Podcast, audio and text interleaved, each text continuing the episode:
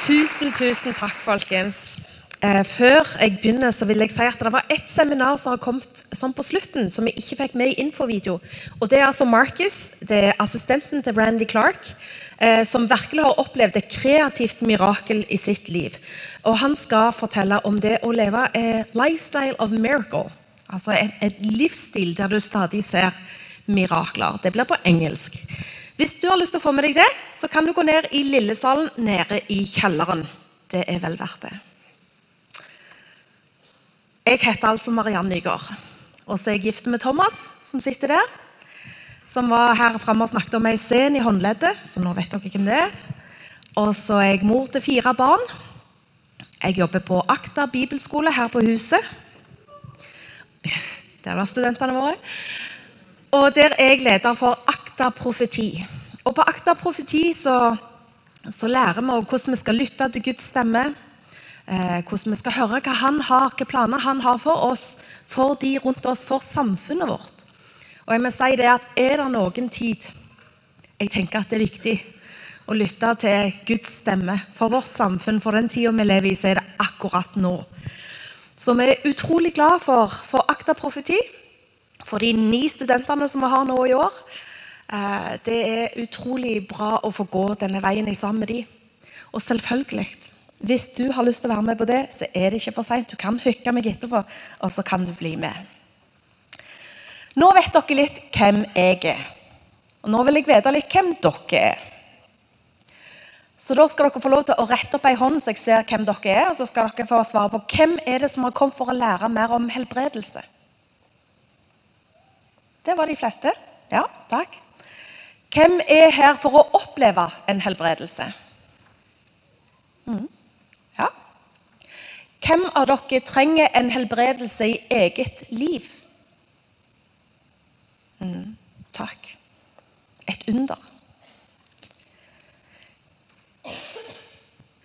Det er så fint at dere er her.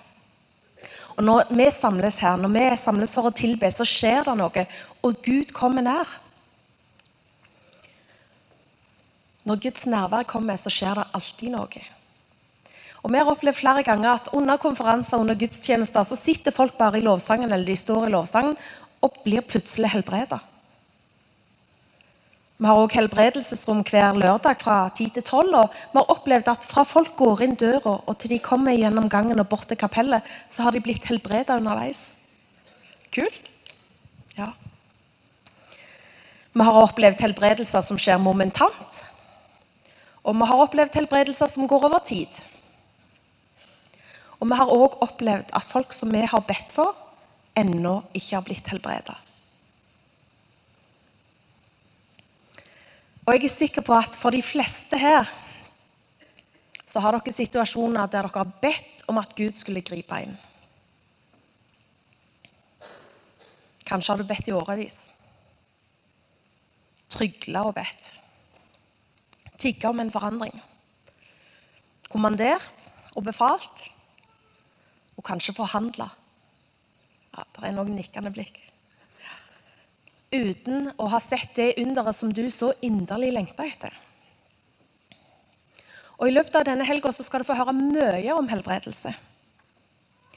Du vil høre om hvordan du kan be for syke, hvorfor, hvordan. Men her og nå, i dag, så vil jeg snakke til deg som eh, fortsatt venter på ditt under. Enten du er syk selv, eller du har noen som du ber for. Men først så vil vi be sammen. Hmm. Jesus, her kommer vi med alle våre behov, våre nederlag, våre skuffelser og mange, mange spørsmål. Og så gir vi de til deg. Vis oss hvordan du tenker på oss og våre liv. Vi vil ta imot det som du har for oss. I Jesu navn. Amen. Amen. For de som ikke kjenner meg, så er det altså sånn at min bakgrunn er at vi hadde et alvorlig sykt barn i tolv år. Og så helbreda Gud sønnen vår. Og jeg har sett Gud gjøre helt vanvittige under. og helbrede ting som egentlig ikke eh, kunne helbredes med mindre Gud gjorde det. Og Det er sju år siden Adrian ble helbreda. Og det har skjedd utrolig mye gjennom den tida her, både på godt og vondt. Og det vil jeg si litt om. For allerede den dagen eh, Adrian ble erklært frisk på Haukeland sykehus, samme dagen så fikk min far diagnose på uhelbredelig kreft. Og I løpet av de siste åra har jeg fått følge både min far og min mor til grava etter å ha bedt for deres helbredelse i årevis.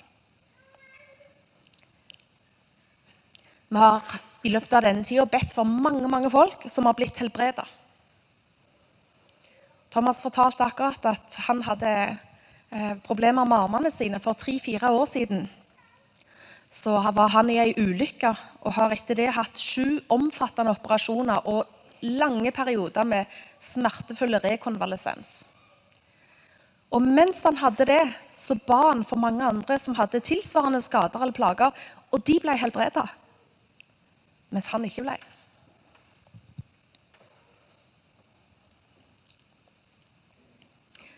Og dere hører at jeg hoster. Jeg begynte å forberede på den, denne talen her mens jeg var hjemme fra jobb med lungebetennelse. Så hvorfor forteller jeg alt dette? Det er for at dere skal vite at selv i en familie som vår, da, som har opplevd et grensesprengende under, så lever vi med sykdom og plager og helbredelser hånd i hånd. Ja, Og det er viktig.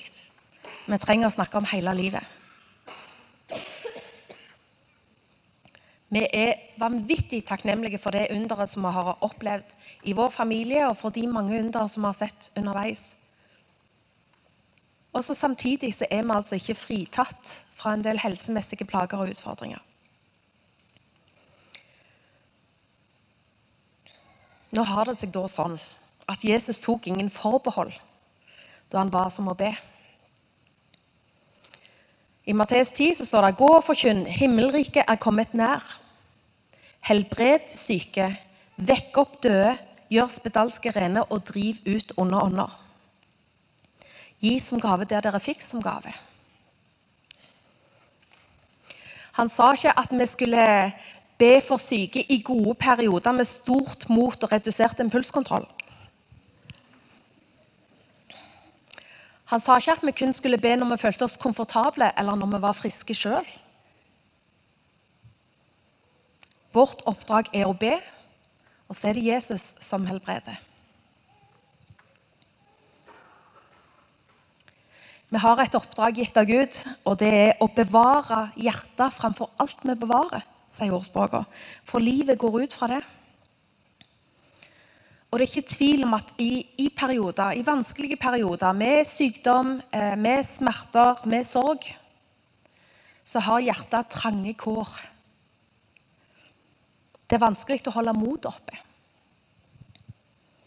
Det skjer ting som er utenfor vår kontroll og vi rammes av livet og venter på en endring. Og Bibelen sier noe om det. Han sier at langvarig venting gjør hjertet sykt. Ikke at det kan bli sykt, men at det blir sykt. Med mindre du tar forholdsregler.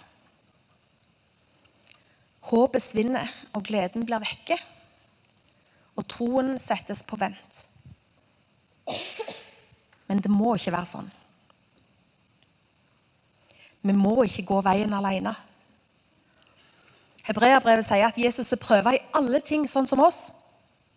Og det er han som sitter på Guds høyre, ved Guds høyre hånd, og som går i forbønn hos oss, for oss, for far.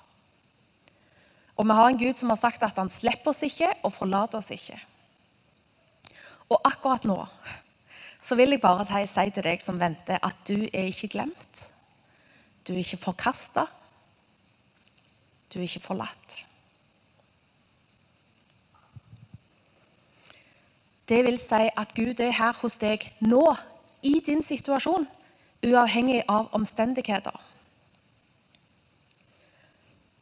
Og har du Jesus, så har du alt. Og Jeg skjønner at det er en utfordrende tanke. For så ofte så tenker vi at hvis jeg bare får det som jeg ber for, da har jeg alt.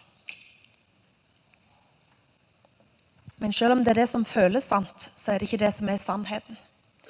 For sannheten er om deg og ditt liv. At har du Jesus, så har du alt.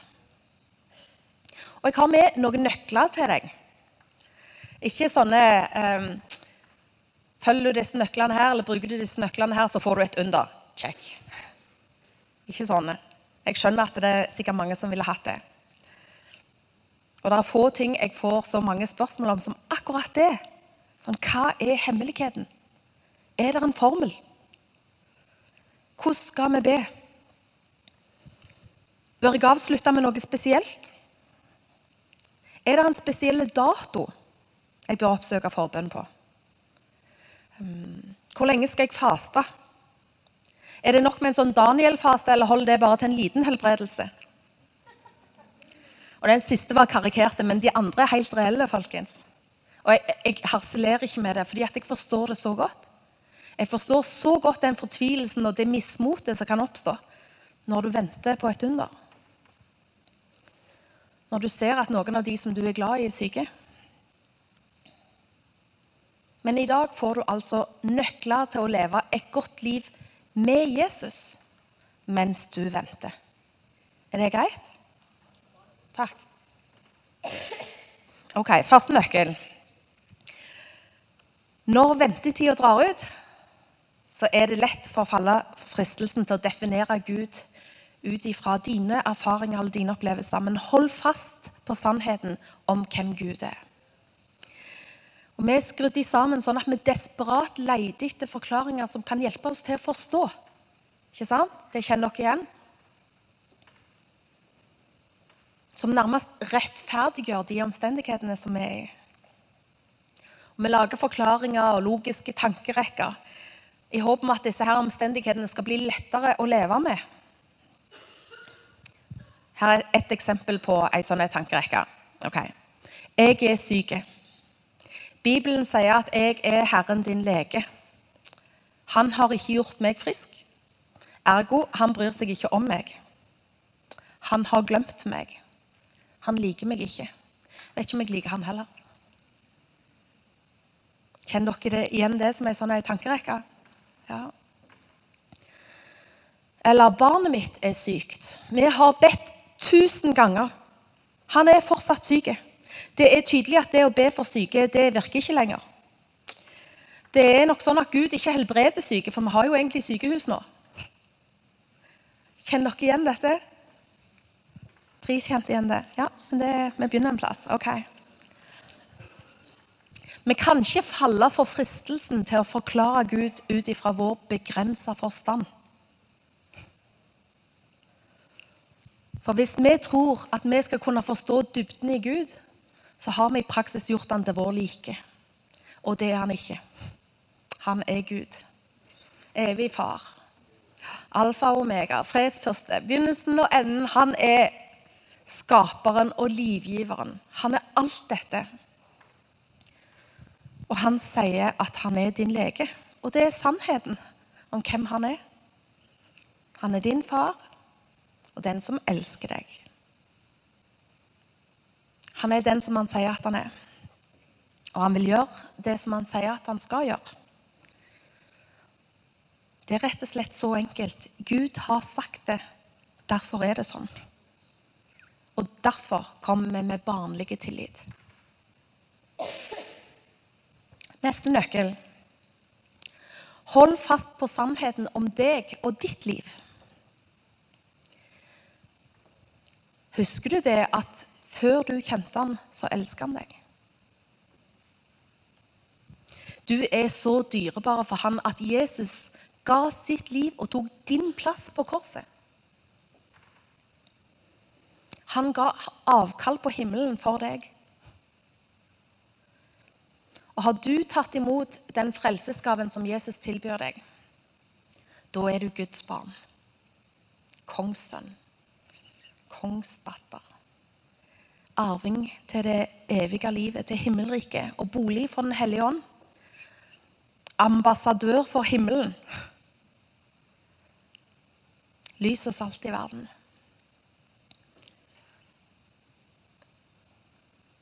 Du er ikke sykdommen din. Du er ikke handikappet ditt. Du er ikke din rolle som pårørende. Og jeg sier ikke at du skal fornekte omstendighetene dine. Men du skal være bevisst på at de ikke er din identitet. Akkurat nå er det sånn situasjonen din er. Men det betyr ikke at det alltid skal være sånn.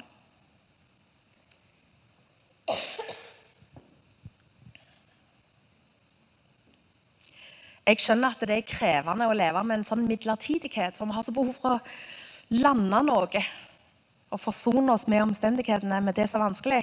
Men faktum er at du kommer til å bli helbreda. Før eller seinere. På denne sida av himmelen eller på andre.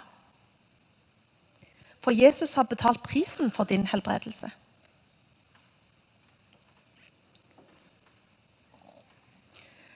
Vær sannferdig om din situasjon, men hold fast på Guds sannhet. Jeg skal ta et eksempel med meg. Da. Ikke gå rundt og si jeg er fullstendig frisk fra lungebetennelse hvis alle hører at du er i ferd med å hoste opp ei lunge. Ikke gå rundt og si jeg er helbreda for kreft hvis MR-en viser at det er svulster som trenger cellegift eller behandling. Vær sannferdig med situasjonen din. Ikke lev i fornektelse. Hold fast på håpet og Guds sannhet om ditt liv og dine omstendigheter. Men vær til stede i eget liv, folkens. Jeg har sett syke og pårørende som nærmest setter livet på vent. Som tenker at vi kan ikke leve før vi har sett dette underet. Men du har en øverste prest som går sammen med deg, og som går i forbønn for deg hos Faderen. Lev livet sammen med Jesus. I alle, under alle forhold, i alle omstendigheter. Og la det være din tilbedelse.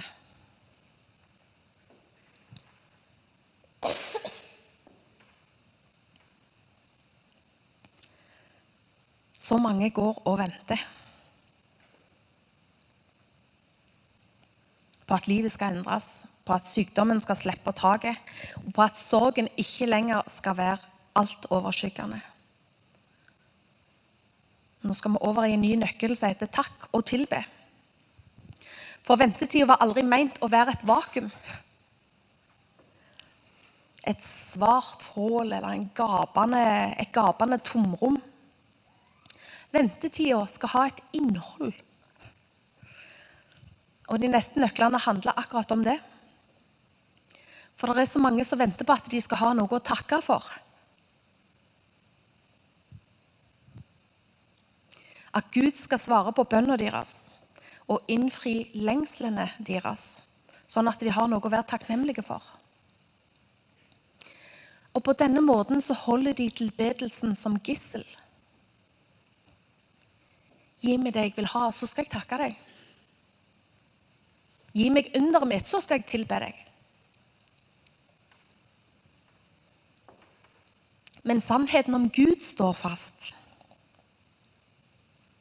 Han er den han sier han er. Han er verdig all takk, all ære, all lovprisning. Han regjerer.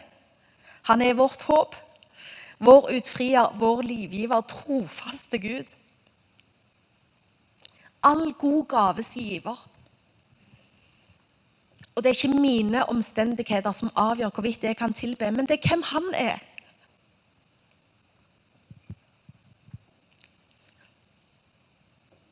Han er verdig av all lovsang. Og tenk at jeg er hans. Skulle ikke jeg da tilbe? Det må være noe alvorlig galt med meg hvis jeg vet alt dette og ikke blir fulgt av en inderlig takknemlighet skulle ikke tilbe.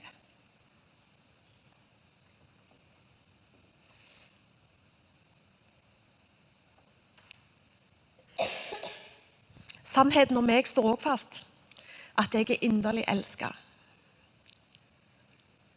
At jeg på samme måte som du er et ønska og et elska barn. Barn av Gud.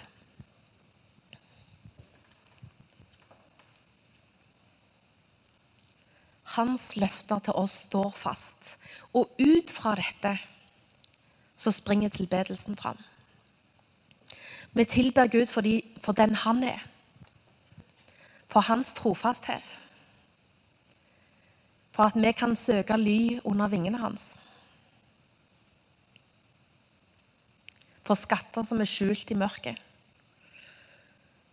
Og for at vi er rettferdige ved nåde og arvinger til det evige livet. Og det skjer noe når vi tilber. Det er som om, om sløret blir tatt vekk fra øynene våre. Og at vi får se ting sånn som de virkelig er.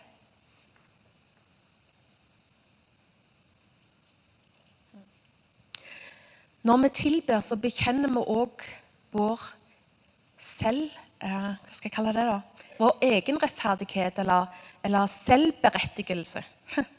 Denne tanken om at 'jeg fortjener bedre'. Vi legger det ned. Og I stedet så holder vi blikket festet på Han som er opprinnelsen til vår tro. Vårt evige håp. Han som er vår gode far. Og Der og da så forandres òg perspektivet på våre omstendigheter. Og vi får se hvordan de er. Vet du, Jeg kan nærmest høre tankene i salen. Det begynner å bli himla anstrengende, dette. Direkte jobbig med alle disse her nøklene. Om hun, om hun, forstår hvor vanskelig jeg har det egentlig, og så kommer alle disse tingene som jeg skal gjøre i tillegg. Ok. Men vet du hva? Det er ikke en krevende jobb å gi uttrykk for kjærlighet. Det er ikke sånn at jeg, eh, Om jeg sier til min mann at jeg elsker deg, så er det ikke sånn at jeg føler meg følelsesmessig utarma og ødelagt og litt sliten og tom etterpå. Jeg gjør jo ikke det. Jeg gjør jo ikke det, folkens. Og om jeg eh, det, det, er faktisk sånn hver dag at jeg er takknemlig for at jeg gifter med han. Jeg Syns dere det var kleint? Jeg kan toppe det. For jeg er det, sa du. 27 år har vi vært gift, og jeg er så takknemlig for alle dagene vi har fått ha sammen. Og når jeg tenker på det, så blir jeg ikke utslitt av det heller. Jeg får ikke gangsperre engang.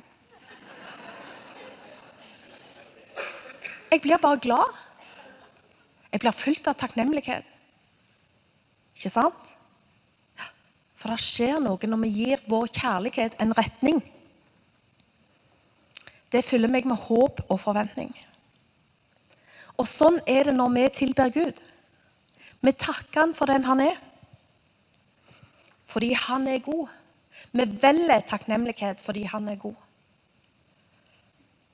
Og der er mye hvile i tilbedelse.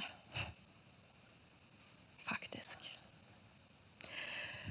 Den desidert beste måten å holde hjertet sunt og friskt på, det er å velge takknemlighet. Vår familie ble radikalt forvandla i 2001. Altså lenge før Adrian ble helbreda. Men vi hørte om noen som, som, sa at i vår familie har vi en tradisjon. Eh, vi velger én ting som vi er takknemlige for gjennom året som har gått. Og så eh, har vi et ornament som vi henger på treet, som symboliserer det vi er takknemlige for gjennom året som har gått. Og når vi hørte det, så kjente vi hjertebank. Vi kjente at yes, det vil vi gjøre. Og etter hvert så ble det ikke bare rundt jul vi hadde fokus på hva vi var takknemlige for, men vi hadde det alltid. Det forandra oss som familie. Det skapte en ny kultur i familien vår. Takknemlige ble de brillene som vi så livet gjennom. Og Selv i dødsskyggens dal så var vi takknemlige for Guds vidunderlige nærvær i familien vår. I går så sang vi flere sanger, fantastiske sanger. I raise a hallelujah. Hørte dere det? Mm. My weapon is a melody. I raise a hallelujah. Heaven comes to fight for me. For det er det som skjer når vi tilber, når vi retter vår takknemlighet, vår kjærlighet til Gud Heaven comes to fight for me. Himmelen tar de kampene som jeg står midt i.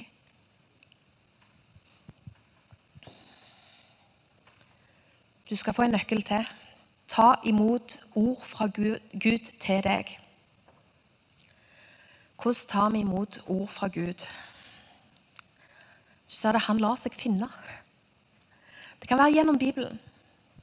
Gjennom lovsang og tilbedelse. Gjennom profetiske ord. Viktigste er gjennom Bibelen. Alltid. Alltid, alltid, alltid. Alt det som vi hører, alt det som er, eh, du får av profetiske ord, prøv det på Bibelen. Gud sier aldri imot seg sjøl. Når vi tilber og når vi lytter til Han, så kommer Han. Han kommer oss i møte og gir oss mat for sjela vår. Og Noen ganger så taler han til oss gjennom andre, og andre ganger så bruker han oss til å tale liv og håp inn i andre mennesker.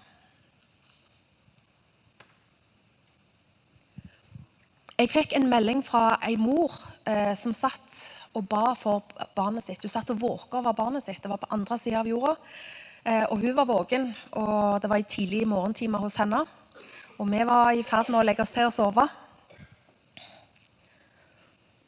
Og så sa hun kan dere be for gutten min. Sendte meg en melding. Ja, vi kan be for gutten din. Og Thomas og jeg vi stoppet opp der og da og ba, fordi vi vet at hvis du utsetter det, så er det så lett å glemme det. Så vi tenkte nå ber vi. Og da, Mens vi ba, så ble jeg minnet om et ord fra Malaki.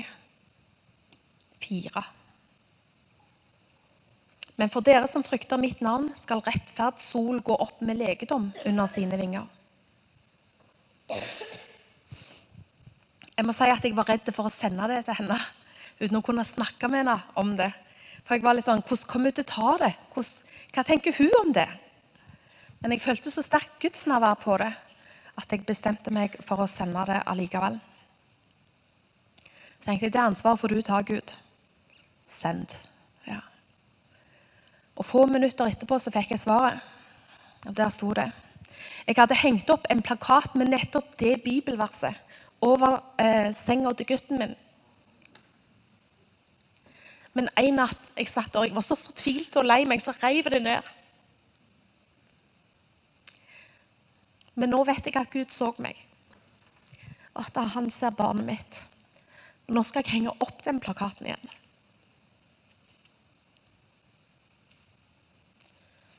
Gud så til det der gapende såret i hjertet og gjorde det helt igjen. For det er den han er. Ok, Nå har vi kommet der at jeg kan få Kleenex her på scenen, folkens. Ok. Ja, det er flere som vil ha. Bare send dem på rundgang. Vi skal gå over i neste nøkkel, og det er takk. Bless you. Jeg setter den her framme. Ja.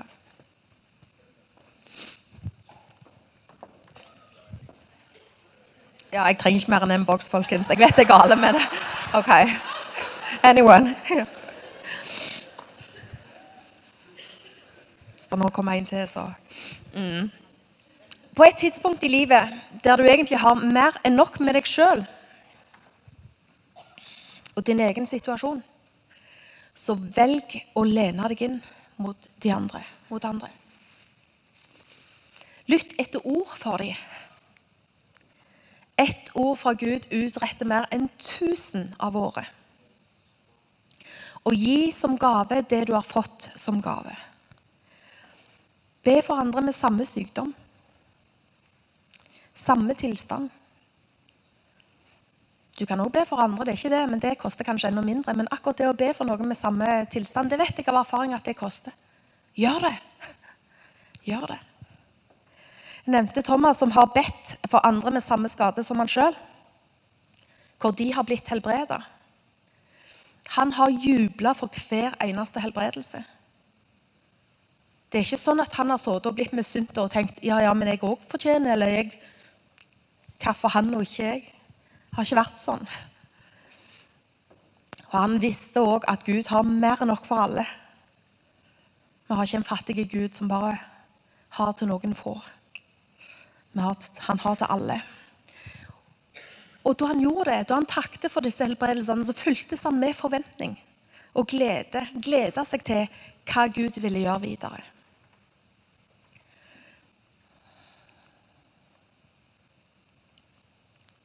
Et par ord til deg som hører denne talen på podkast eller på Vimeo, og som kanskje er for syke til å være her.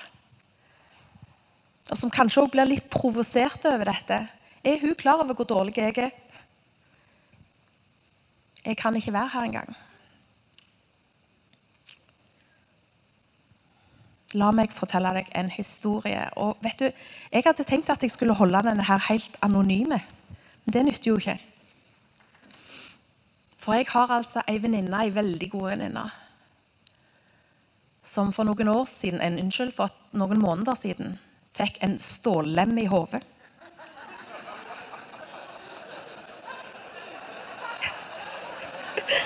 Hun sitter nede i salen og gjør sånn.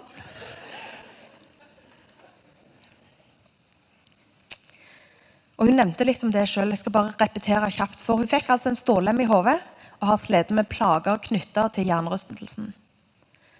Og så kommer det som hun ikke fortalte, som jeg skal fortelle. For hun er, var helt bestemt på at det der, det skal fienden få betale for. Så i sykemeldingsperioden så satt hun hjemme og ba for folk som hadde eh, plager med hjerne eller eh, med hode i det hele tatt. Hun har sittet hjemme og bedt for dem. Og så i, i, sommerferien vår, mens vi var på Rådås, så får Thomas og jeg en telefon fra Texas. Der det er en familie som har en gutt som er alvorlig syk. Eh, han har flere svulster i hodet. Eh, og har omfattende eh, kognitive utfordringer pga. det. Store funksjonshemninger pga. dette. Pga. de hjerneskadene som har, har, kommet. Og så ber de oss om å be for han. Og vi ba. Og vi kjente det var sånn et gudsnærvær igjen. Et enormt gudsnærvær. Og vi skjønte Gud, her vil Gud gjøre noe. Vi var overbevist om det. Så vi satte i gang våre personlige forberedere til å være med og be for han i den uka som fulgte. Og deriblant Margrethe. Og En kveld så sendte hun meg en melding der det bare sto navnet på gutten og så mange sånne hjerne-emojier. Hvis dere har lurt på hvorfor det er sånne hjerne-emojier og hvordan de skal brukes, så er det til dette. Margrethe har skjønt det. Navnet på gutten og flere hjerne-emojier. Og jeg skjønte at hun ba. Og så klokka fire neste morgen så tikka det inn en melding fra Texas. Der de sa vi var på vår årlige nevrologiske undersøkelse med hjerneskanning i går. Og for første gang siden dette kom for åtte år siden, for første gang så har disse eh, tumorene, svulstene, de har krympa merkbart. Og Vi har aldri sett noe lignende, og doktorene våre er helt sjokkerte.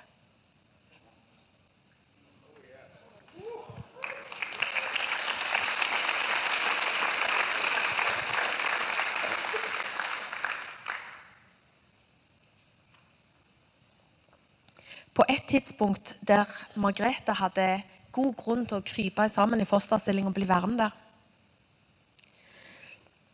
så bestemte hun seg å fokusere på det Gud gjorde, og på den måten drive fienden tilbake. Og for deg som hører på på podkast Du har en jobb å gjøre, men det er en jobb som er god for deg. Og oppmuntrende, og som det er hvile i, og håp og framtid i.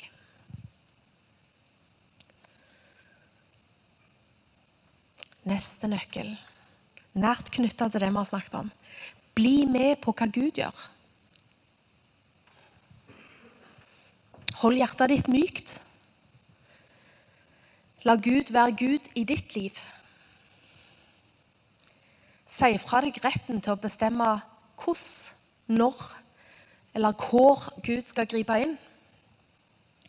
Det var aldri din avgjørelse. Det var hans.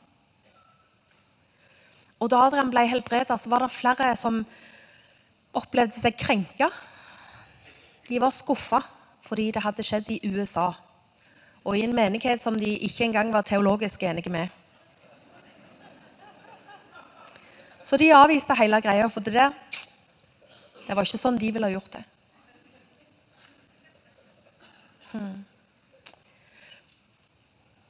Så gikk de glipp av det.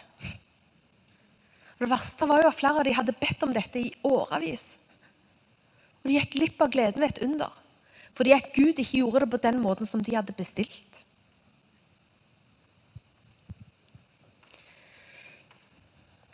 Det, det var ikke oss de gikk utover. Adrian var akkurat like helbreda. Vi var akkurat like takknemlige. Gud var akkurat like store. Men de gikk glipp av gleden ved et under. Ikke la det bli sånn at du går glipp av det Gud vil gjøre. Fordi du vil bestemme hvordan det skal skje.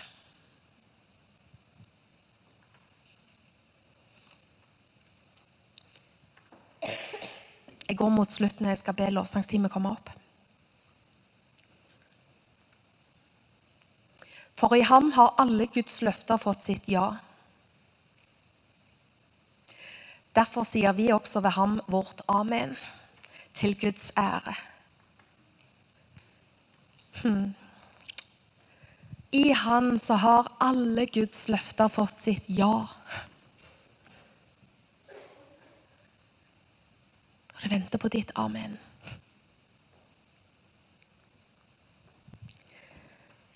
Gi ditt amen til hans ja, uavhengig av omstendigheter. Uansett om du har sett bønnesvaret ditt eller ikke. Alle Guds løfter har fått sitt ja i Jesus. Vil du være med på det som Gud gjør, og gi ham ditt amen?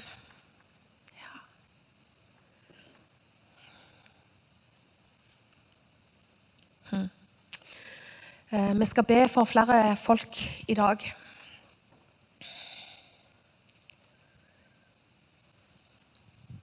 Jeg tror vi skal gjøre det sånn at eh, jeg kommer til å si ut flere eh, folk som vi vil be for, og så kan dere reise dere opp etter hvert. Kan vi gjøre det sånn? Hvis du har slutta å be om helbredelse fordi du er så skuffa, så vil vi invitere deg til å legge ned skuffelsen din ved Jesu føtter. Så du kan reise deg opp i benkeradene der og bli stående. Hvis du altså har slutta å be om helbredelse fordi du er skuffa, mm, så bare reis deg opp der du står. Hvis du har holdt din helb... skal vi se, Hvis du har holdt din tilbedelse tilbake i påvente av et bønnesvar, så kan du få reise deg nå. Jeg tror det må være eh, fiendens underste plan for deg. At du skal la være å tilbe fordi at du har ikke ennå blitt helbreda. Eller du har ikke ennå fått det bønnesvaret. Det er akkurat som han blokkerer deg fra nærheten til Gud. Men du kan få tilbe ham på tross av dine omstendigheter. Så hvis du har holdt din tilbedelse tilbake i påvente av at Jesus skulle besvare bønna di sånn som du ønsker, så kan du reise deg.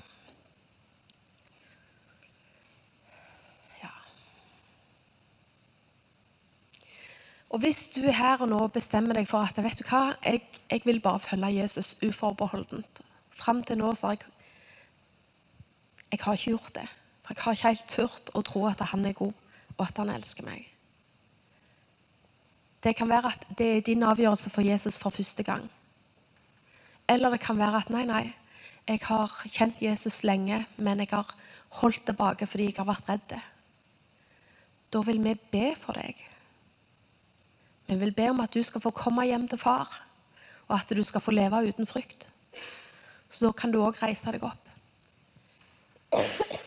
Hvis alle dere nå som har blitt nevnt her nå, hvis dere, hvis dere bare står, så skal jeg be folk om å spre seg ut og være med og be for dere. For dette er familie, folkens.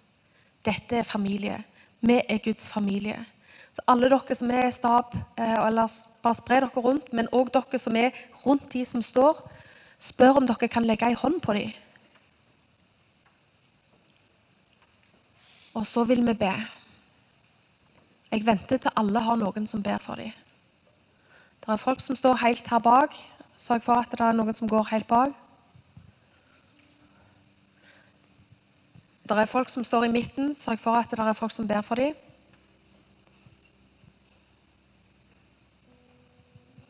Ok.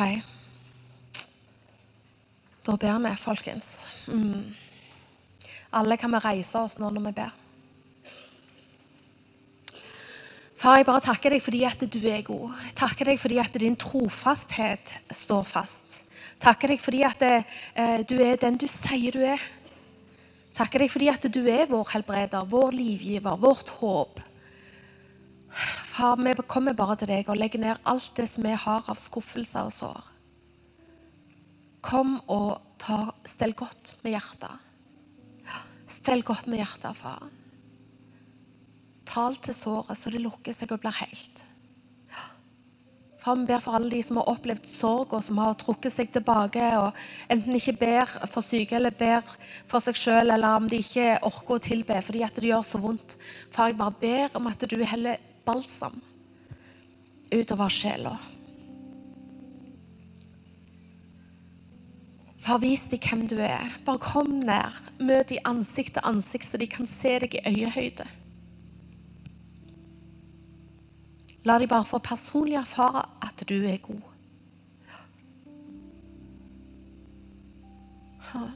Far, alle de som ikke kjenner deg fra før av, men som har valgt å ta en sjanse og følge deg fram, bare takke deg for dem. Takke deg fordi at alle dine gaver er gode. Alle dine planer for dem er gode.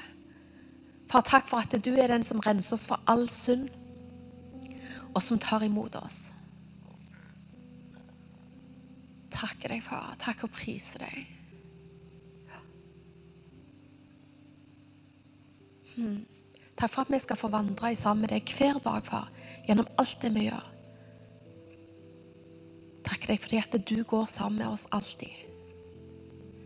Far, så er det vår bekjennelse at uavhengig av våre omstendigheter, så elsker vi deg. Uavhengig av hva vi står i, så tilber vi deg. Du skal få all vår kjærlighet, Jesus. Takker deg fordi at hele universet tilber deg. Takk, Jesus. Det vil vi òg gjøre. Takk, Hellige Amen. Bare bli stående, og så synger vi sammen og tilber.